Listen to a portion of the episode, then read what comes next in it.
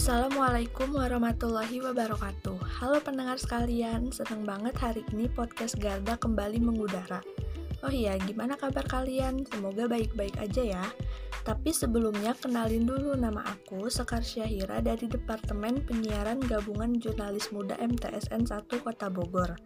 Selain aku, ada beberapa penyiar lain yang akan menemani malam-malam kalian dan podcast Garda akan mengudara di setiap malam minggu ya. Jadi jangan lupa untuk mengikuti dan mendengarkan podcast kami ya guys. Nah, di post kali ini aku akan membahas tentang tips efektif belajar di rumah. Sekarang kan di negara kita lagi ada wabah virus COVID-19. Jadi kita belajar di rumah atau yang bisa disebut juga daring. Sayangnya godaan saat belajar di rumah banyak banget ya guys. Tapi tenang aja, di sini aku bakal ngasih tahu ke kalian tips efektif belajar di rumah. Oke, yang pertama, jauhkan gadget dari jangkauan kita. Menjauhkan gadget tentu bukan hal yang mudah buat kita ya guys, karena terlalu banyak hal menarik yang bisa mengganggu kegiatan belajar kita. Tapi ingat, kita harus menjauhkan gadget supaya kita fokus mendengarkan guru yang lagi menjelaskan. Yang kedua, mematikan semua notifikasi gadget.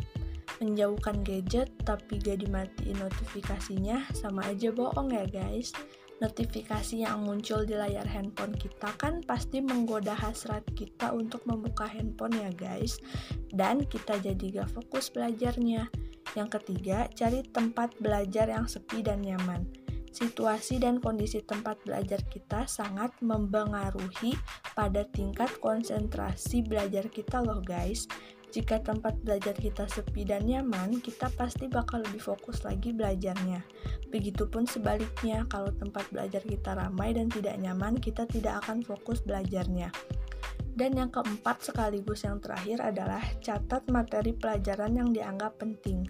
Sama seperti saat di sekolah, catatlah setiap materi yang kita anggap penting ya guys, terutama yang ada rumusnya.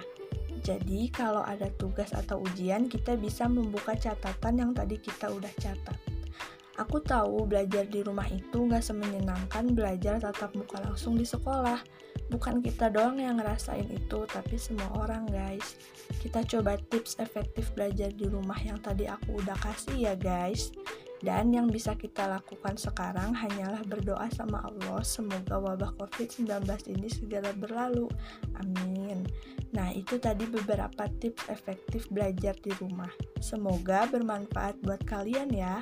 Tetap semangat dan selalu menjaga kesehatan. Terima kasih dan sampai jumpa. Wassalamualaikum warahmatullahi wabarakatuh.